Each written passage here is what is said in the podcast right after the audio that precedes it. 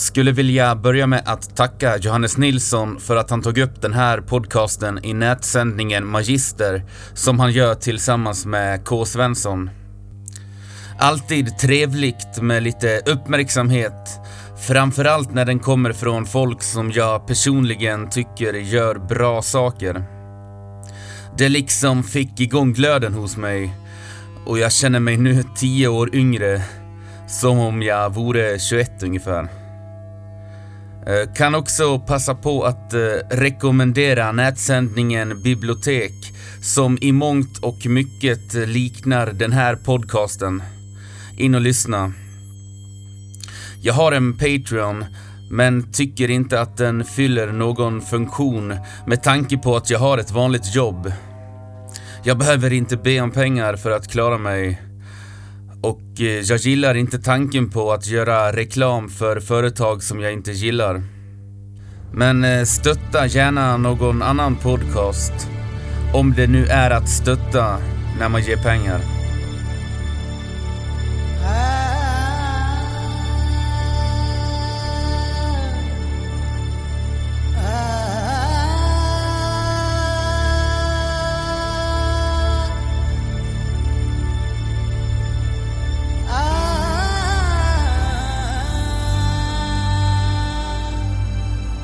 Djupt ur ödemarkens nöd. Det är långt, fan det känns som många mil till den närande skogens fuktighet. I ett primitivt samhälle skickades en ung pojke som skulle bli man ut i en okänd skog för att överleva och förlora sin gamla identitet. Så småningom återvände han till samhället med en ny identitet och en insikt om vad samhället egentligen var. Det var ingen som förstod honom och hans sätt att bete sig hånades.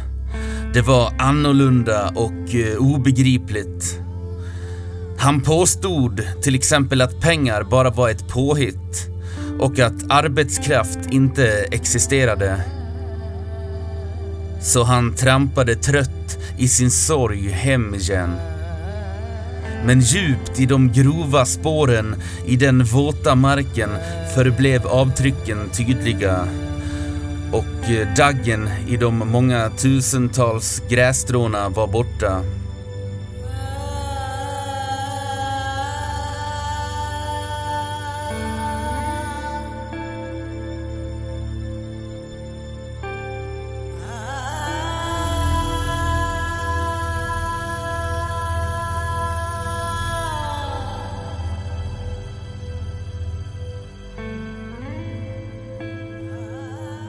Vägen till den annorlunda världen är bland annat det som skiljer fantasy från science fiction.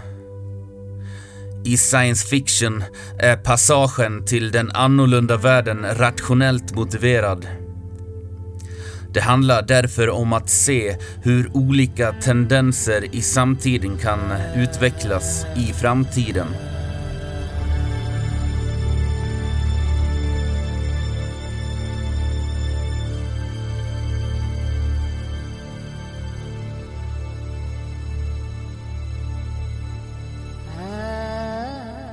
Ja, och eh, så går vi vidare och plöjer igenom Sofisten del 9. Den vidriga hemkomsten. På ett stillastående tåg, någonstans i närheten av Hedemora, kom jag slutligen till insikt.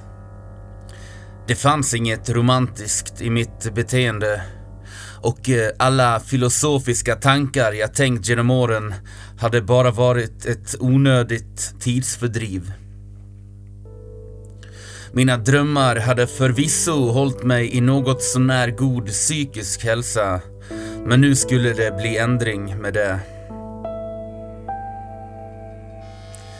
Jag bestämde mig där och då, i den fullbelagda SJ-vagnen, omringad av illaluktande främlingar, att jag skulle gå under jorden Dock inte bokstavligen. Jag skulle bara sluta vara social helt och hållet. Byta telefonnummer och Facebook-profil. Undvika att handla i populära butiker och bara vistas utomhus när det var nödvändigt. Jag ville bara sitta av resten av tiden. Hoppas på att livet skulle gå fortare ju äldre jag blev och därmed minska plågan en aning. Eller var det bara sånt som äldre personer sa för att vi yngre skulle tycka synd om dem och ge dem lite mer uppmärksamhet? Det var ju så synd om pensionärerna. Deras dagar var mycket kortare än våra. I alla fall enligt deras ruttna tidsuppfattning. Varje gång jag hör någon säga att en vecka eller ett år går så fort vill jag bara skrika till personen att det inte alls är sant. Det vore ju bara tragiskt. Och på ett sätt ologiskt. Men å andra sidan rätt självklart. Jag sjönk ner i något slags bottenlös depression.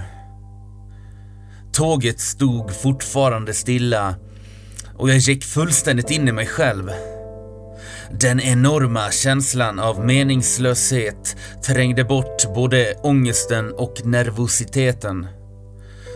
Och i takt med att tiden långsamt fortskred i den ofrånkomligt föränderliga rymden i vilken jag och alla andra resenärer bara var konsekvenser av uråldriga reaktioner kuvade jag mig mer och mer. Jag skulle snart vara hemma för alltid förändrad. Antagligen till det sämre. Och den gudomliga strävan jag fått inne på avgiftningskliniken i Falun var borta. Zombieflickan var död. Eller åtminstone borta. Jag ville ha henne. Men det var omöjligt. Som om jag för alltid skulle tvingas jaga en overklig fantasi.